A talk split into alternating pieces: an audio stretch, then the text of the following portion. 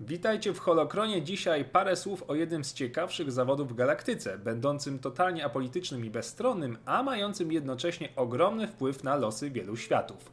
Łowcy nagród to niewątpliwie frakcja, która nieraz zmieniła bieg historii. W oryginalnej trylogii poznajemy zaledwie kilku łowców, na czele z Boba Fettem, Boskiem, Dengarem, IG-88, Zukusem i paroma innymi. W legendach jednak profesja ta jest znacznie bardziej rozbudowana na tyle, że na przykład w grze Old Republic ścieżka łowcy nagród to jedna z głównych klas postaci. Tak więc wpływ łowców nagród na historię jest nie bez znaczenia. Podobnie jak w prawdziwym świecie, łowca nagród to nikt inny jak najemnik do wynajęcia, o ile dysponuje się odpowiednią ilością kredytów. Ich zadaniem jest pojmanie albo zabicie wybranego przez klienta celu, ale również niekiedy i osobista ochrona swojego najemcy. Najlepsi z łowców to doskonale wytrenowani zabójcy z ogromną ilością umiejętności, ale przede wszystkim odznaczający się zaradnością i wytrwałością. W legendach zawód łowcy nagród jest regulowany prawnie dzięki istnieniu licznych gild. Do największej i najważniejszej należy Gildia Łowców Nagród, która zrzesza najwięcej najważniejszych jednostek w tym zawodzie. Są jeszcze inne, pomniejsze, takie jak Gildia Łowców Nagród Benelex, będąca jednocześnie rywalem innej gildii zwanej Domem Tresario. Warto wspomnieć jeszcze o Konfederacji Granse, będącej koalicją różnych łowców, czy choćby o sekretnej gildii Genoharadan, która specjalizowała się w zabójstwach politycznych. Łowcy nagród odznaczali się często ogromną niezależnością i kooperacja z innymi łowcami doprowadzały do wewnętrznych konfliktów i rywalizacji.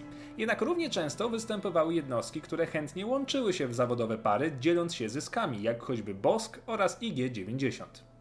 Jeżeli ktoś chciał nałożyć na kogoś nagrodę, musiał zamieścić zlecenie bezpośrednio w gildii, w której to łowcy podejmowali się odpowiednio zleceń. Dostęp bezpośredni do łowców był praktycznie niemożliwy, choć wybitne jednostki mogły faktycznie same zlecać zadanie bezpośrednio u łowcy. Taką ekskluzywną możliwość posiadał m.in. Lord Vader, Jabba the Hutt czy książę Caesar.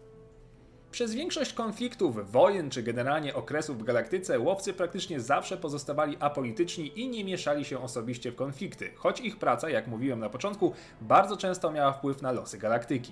Podczas panowania imperium spotkał ich lekki kaganiec w postaci pozwolenia o numerze B23 ustęp 1 ustęp 14, które zakładało w niektórych wypadkach obowiązek przedłożenia pozwolenia na uzyskanie maksymalnej nagrody oferowanej za wyznaczony cel.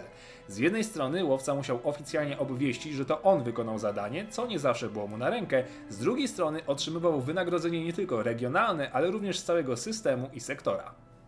Niektórzy z łowców nie musieli praktycznie korzystać z usług gildii, gdyż ich nazwisko stanowiło markę samą w sobie, co jednak często nie podobało się gildiom, gdyż te nie mogły kontrolować zarobków najbardziej dochodowych łowców. Do takiej elity należał oczywiście Jango Fett, a później jego syn, Kalo Nord czy Cad Bane. Jeżeli chcecie się dowiedzieć więcej o świecie łowców nagród, polecam Wam gorąco cykl Wojny Łowców Nagród, gdzie dogłębnie poznacie ten ciemny i szemrany zawód. Dzięki za oglądanie, zostawcie suba, by nie przegapić kolejnych odcinków, zajrzyjcie na nowy format zwany Holokron Extra i niech moc będzie z Wami.